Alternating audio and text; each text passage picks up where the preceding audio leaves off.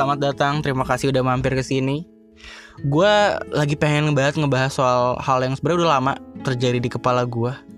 Kenapa gue pengen banget mendokumentasikan ini? Karena menurut gue ini semacam apa ya? Penemuan yang buat gue pribadi penting gitu. Dan sebenarnya esensi dari podcast ini kan mendokumentasikan apa yang buat gue penting dan I really hope that small part of it maybe penting buat lo juga gitu yaitu adalah kita sering banget diajarin what to do, apa yang boleh dan tidak boleh dilakukan.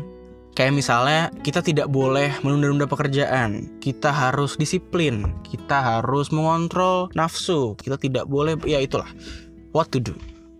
Tapi gue ngerasanya kayak kita lebih jarang diintroduce tentang how to do-nya gitu. Kayak misalkan tahan amarah kita nggak boleh marah kita nggak boleh emosian atau ya menurut gue marah sih boleh ya maksudnya kenapa kata katanya tahan amarahmu? Ya karena amar marahnya ada dulu gitu kalau nggak ada marah kan apa yang mau ditahan ya gak sih? Iya dong bener dong.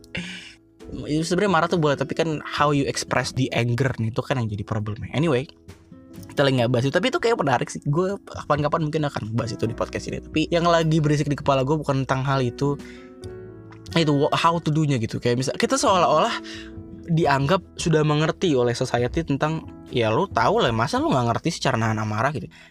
Atau kayak misalnya sabar sabar kita harus sabar dalam menghadapi masalah kita harus sabar. Tapi jarang sekali dibahas tentang ya tapi cara sabar gimana gitu? Harus belajar rajinlah belajar. Tanpa pernah dibahas atau jarang dibahas cara belajar yang baik tuh gimana gitu? Kita jarang belajar cara belajar ya gak sih berani berani. Jadi anak tuh harus berani. Kita nggak boleh takut. Iya tapi gimana cara berani gitu? Menurut gue ya orang yang nggak takut itu belum tentu berani loh. Menurut gue orang yang berani adalah orang yang takut dan melawan ketakutannya. Itu berani buat gue. Tapi kalau misalkan pada awalnya memang dia nggak takut sama sekali ya nggak ada beban gitu. Apa yang dia lewatin nggak ada. Ya udah nggak takut aja gitu karena orang yang nggak punya ketakutan mereka nggak tahu cara berani karena mereka nggak ada yang dilawan gitu. Ya udah emang udah nggak takut dari sananya aja. Procrastinator jangan menunda. Tim urban bilang procrastinator nggak tahu gimana caranya untuk nggak menunda. Dan itu gue gue setuju banget gitu tuh bener banget gitu. Gue ngerasa kayak gitu juga gitu sebagai procrastinator ulung. Nggak tahu kita we don't know how to not do it. Salah satunya adalah yang gue pertanyakan dalam kepala gue, gimana sih cara bersyukur? Lo pernah mikir gak? Karena kenapa yang bikin gue bingung cara bersyukur adalah karena ada orang yang kayak dia merasa dia bersyukur tapi sebenarnya dia menyerah, ya gak sih? Dia merasa dia bersyukur tapi sebenarnya dia malas. Dia merasa dia bersyukur tapi sebenarnya dia pesimis. Ya, kayak eh udahlah gue dapetnya mau cuma segini ya udahlah syukurin aja gitu. Ya udahlah masih untung dapet ya udahlah ini bukan berarti itu jelek ya gue juga nggak tahu sih itu jelek apa enggak sih tapi kalau misalkan itu membuat lo menjadi berhenti berusaha kayaknya ada hal yang lebih bagus sih mungkin ya iya gak sih? So that's the question for today. Gimana cara bersyukur yang baik buat diri lo gitu? Karena kan kalau di kalau di agama gue gitu ketika lo bersyukur kan nikmat lo ditambah gitu dan kayaknya lo nggak mungkin bisa bertambah kenikmatannya kalau misalkan lo berhenti berusaha ya nggak sih? Jadi ketika lo merasa bersyukur tapi lo justru berhenti berusaha atau menyerah atau mengendurkan usaha lo kayaknya itu bukan cara bersyukur yang bener. Kayaknya gue nggak tahu juga sih. Akhirnya gue mikir gitu kayak hmm mulai dari mana sih bersyukur? Dan gue tadi memutuskan untuk oke okay, sepertinya gue harus memulai dari memaknai kata syukur itu sendiri gitu kalau di agama gue ya sebenarnya bukan di agama gue doang sih. Ya alhamdulillah itu kan ada ada ada padanannya di agama lain ya. Puji Tuhan atau ya gue nggak tahu sih kalau Buddha apa. Cuma gue yakin ada juga lah gitu. Alhamdulillah itu kan artinya segala puji bagi Tuhan mirip-mirip gitu. Sebenarnya apa sih? Kenapa kenapa ketika kita achieve something atau ketika kita mendapatkan sesuatu kita ngomong segala puji bagi Tuhan bukannya terima kasih Tuhan? Ya terima kasih Tuhan karena kan kalau misalkan lo biasa dikasih sama orang lo kan ngomong terima kasih kan eh, terima kasih ya alhamdulillah dapat ini terima kasih terima kasih gitu kenapa kita tidak berterima kasih pada Tuhan tapi kita lebih ke memuji Tuhan kenapa kalimat itu menjadi bentuk rasa syukur kita. Gue dapat analogi ini gue lupa dari mana. Karena sebenarnya analogi ini udah ada lama di kepala gue, tapi tiba-tiba tadi keangkat lagi aja gitu. Analogi menarik banget. Dia bilang kalau lo lagi makan di suatu restoran, lo pesan satu makanan, let's say nasi goreng, oke? Okay? Terus nasi gorengnya datang lalu kemudian lo makan Nah lo nggak tahu karena lo lagi lapar banget atau emang chefnya jago banget. Nasi goreng itu lalu enak banget. Lo akhirnya ngomong, anjir, ini nasi goreng enak banget. Nah, ketika lo ngomong nasi goreng ini enak banget, di saat itu siapa yang lo puji? Nasi gorengnya atau chef yang bikin? Tentunya chef yang bikin dong. Obviously gitu nggak ada yang nggak ada satupun dari kalian yang bilang asik tentu nasi gorengnya yang hebat nggak nggak ada yang dipuji pasti chefnya yang bikin nasi gorengnya dan ternyata di kepala gue kayak somehow itu baru tek gitu kayak oh iya itu juga yang terjadi pada kita gitu. Maksudnya kalau kalau ketika kita achieve something atau ketika kita doing good at something gitu dan kita dipuji orang ternyata yang hebat tuh bukan kita. Yang hebat tuh bukan nasi gorengnya yang hebat tuh chefnya gitu. Yang hebat ternyata yang nyiptain kita ya gak sih? Makanya itulah kemudian kenapa pujiannya dikembalikan ke Tuhan gitu. Ketika anjir lo hebat banget. Puji Tuhan gitu kayak anjir lo hebat banget. Enggak yang lo puji tuh Tuhan kok gitu. Alhamdulillah segala puji bagi Tuhan bukan bagi gue gitu. Keren ya. Gue gak tau gue yang norak ah, baru nyadar ini atau kayak kalian semua udah sadar gitu kayak iya lagi obviously kayak emang kayak gitu kan gitu. Atau atau emang ini lu kayak pala lu baru meledak gitu kayak tadi kayak anjir kayak bener juga lu gitu. Tapi itu buat gue kayak wow itu nggak tahu gue tadi kayak gue bersyukur uh, Tuhan mengarahkan isi kepala gue untuk menemukan itu lagi gitu. Itu udah lama terkubur di sisi kepala gue yang di mana gue nggak tahu. Analogi itu. Dan oh iya gue inget kenapa gue tiba-tiba keingetan ini cuy. Karena gue baru-baru aja nonton Gary Vee tentang how to love yourself atau apa gitu. Ada satu cewek yang Tea with Gary V ini di segmen Tea with Gary V kalau lo udah ngikutin Gary V pasti lo tau segmen ini. Cewek ini nelpon ke Gary V dan dia cerita tentang namanya Michelle by the way dia bilang bahwa uh, she has a an insecurity problems gitu soal dirinya tentang appearance dia dia dia insecure soal itu. Dia adalah konten creator di TikTok kalau nggak salah. Dan dia selalu dia dia kena sama komen-komen netizen lah tentang appearance dia bahwa dia jelek dia gendut apa gue lupa lah dikatain apa gitu. Terus Gary Vee bilang kayak orang-orang yang sering dapat pujian tentang fisiknya itu most likely adalah orang-orang yang paling sering juga insecure soal fisiknya gitu. Terus ceweknya bingung dan gue juga bingung gitu kayak hah? Kok bisa? gitu. Karena kan kalau misalkan orang itu sering dapat pujian dari orang lain ya harusnya dia gak insecure dong. Berarti dia cakep dong. Berarti dia good looking gitu. Why why they have to be insecure. Tapi ternyata yang bikin mereka paling sering insecure adalah karena mereka punya kebiasaan untuk mendengar pendapat orang lain lalu kemudian mempercayai itu lalu kemudian berharap untuk mendapatkan itu lagi gitu gimana ya maksudnya ketika mereka dipuji lalu pujian itu gets on your mind masuk ke dalam pikiran lo kalau lo punya kebiasaan itu berharap pujian dari orang lain, afirmasi dari orang lain dan segala macam. Ya ketika lo dihujat, ketika lo dicaci atau segala macam, diremehkan, direndahkan orang lain dan lo denger itu, itu also easily gets on your mind gitu. Karena yang terbentuk adalah kebiasaannya, kebiasaan untuk menerima dan akhirnya jadi candu gitu untuk mengharapkan afirmasi dari orang lain. Gary Vee bilang enggak gue tuh nggak nggak nggak nggak senang dipuji gitu. Dia selalu menampik pujian dan dia bilang uh, I get lucky because of my DNA uh, dan I get lucky because uh, I have a good parents bla bla bla. Dia dapat pendidikan dari orang tua yang bagus dan segala macam. Gary tuh selalu menampik ceweknya bilang kayak you're so smart gitu. Enggak gue nggak smart. I'm just get lucky bla bla bla. Uh, I work for it also. Dia hasil ya gitulah. Biasa kalimat-kalimatnya Gary Vee nah terus tiba-tiba ketika gue lagi nonton itu terus kayak anjir mungkin ini kali ya maksudnya kenapa kita diajarin sama agama atau sama Tuhan tentang lu nggak boleh menerima pujian gitu.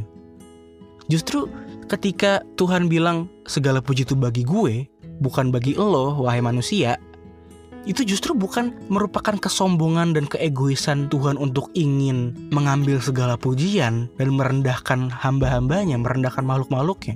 Enggak, lu tuh makhluk rendah, lu tuh nggak pantas dapat pujian. Dan yang pantas dapat pujian tuh gue. Kayaknya bukan tentang itu deh. Tapi justru Tuhan tuh kayaknya pengen melindungi pikiran kita supaya kita tidak terbiasa untuk menerima hal itu. Ketika lo dipuji enggak, yang dipuji itu bukan lo. Lo tuh cuma nasi goreng yang enak. Lo bukan yang bikin nasi goreng. So stop taking pujian buat diri lo gitu. Ketika ada orang muji, bukan berarti orang muji lo itu dia salah, enggak. Ya itu ekspresi kekagumannya dia, itu ekspresi, itu bentuk ekspresinya dia gitu. Tapi ketika lo mengambil pujian itu dan mempercayainya, terlalu terlalu masukkan pikiran eh pujian itu ke dalam pikiran lo ketika lo menerimanya bukan lo lemparkan kepada Tuhan mungkin itu akan lama kelamaan akan ngebentuk kebiasaan tadi. Dan akhirnya lo jadi gampang insecure sama komentar-komentar lain yang di lain waktu bukan komentar-komentar bagus yang lo dapat tapi komentar-komentar negatif yang lo dapat tapi the way you process it gitu ya sama gitu sama mudahnya. Dan lo akan jadi lebih mudah untuk percaya sama orang lain gitu karena apa ya bukan berarti lo tidak boleh percaya sama orang lain gitu. Bukan berarti lo tidak boleh menganggap pendapat orang lain. Oh kalau misalkan lo nggak menganggap pendapat orang lain gimana kalau misalkan orang lain menghujat dan ya mereka beneran bener gitu? Artinya ya lo emang jelek gitu. Ya lo emang harus introspeksi diri. No it's not about that gitu. It's not kalau Gary V Gary V lagi lagi lagi. Ya referensi gue emang dikit lah. Podcast ini emang bukan sumber ilmu ya. Uh, Gary Vee di lain waktu bilang ketika lo nggak memikirkan pendapat orang lain bukan it's not about thinking you're always right tapi it's about understanding bahwa orang-orang yang hujat lo orang-orang yang komen soal lo they don't have all the context mereka nggak kenal lo 100% mereka nggak dapat semua konteksnya. Dan yang kenal lo 100% cuma Tuhan dan lo sendiri. Gak ada yang lain. Not even your parents, not even your closest friends. Gak ada. Lo sendiri, lo sendiri yang tahu dan dapat 100% konteksnya. So, kenapa lo ngambil pendapat orang lain tentang diri lo, tapi sementara pendapat diri lo tentang diri lo sendiri yang mana lu lah yang 100% tahu konteksnya sementara orang lain nggak tahu konteksnya sama sekali. Bukan sama sekali ya mungkin nggak nyampe 20% 30% 80% even tapi ada 20% sisanya yang mereka nggak tahu. Lu tetap ngambil opini mereka gitu. Padahal yang tahu 100% lu ya lu gitu. Dan menurut gue ini penting banget. Kenapa? Karena menurut gue balik lagi ke tadi gitu. Banyak orang yang tahu what to do. Kayak oke okay, gue nggak boleh uh, mikirin pendapat orang lain.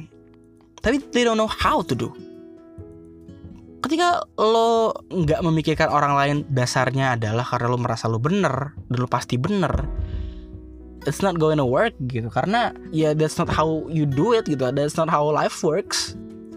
Kalau kata Panji salah itu biasa bener itu biasa. Kalau lo salah nggak usah drama entar juga lo bener. Kalau lo bener nggak usah sombong ntar lo juga salah gitu. Jadi makanya itu itu menurut gue kata-kata Gary Vee itu salah satu panduan tentang how you do it how to not think about other people's opinion gitu. You have to know yourself first. Lo harus kenal diri lo lo harus explore diri lo sendiri lo harus perhatikan diri lo sendiri. Perhatikan bagaimana cara lo bereaksi bagaimana cara lo berpikir dalam keadaan tertentu bagaimana cara lo menghadapi uh, masalah dan lain-lain bagaimana cara lo berkomunikasi. Ya itulah. How how your how your uh, brain works gitu mungkin ya dan ketika lo mengobservasi diri lo sendiri, lo kenal diri lo sendiri dan lo udah being content gitu kayak lo udah udah apa ya? Ya udah lo, lo udah oke okay, diri gue tuh yang kayak gini. Diri gue adalah orang seperti pribadi yang seperti ini, seperti ini, seperti ini.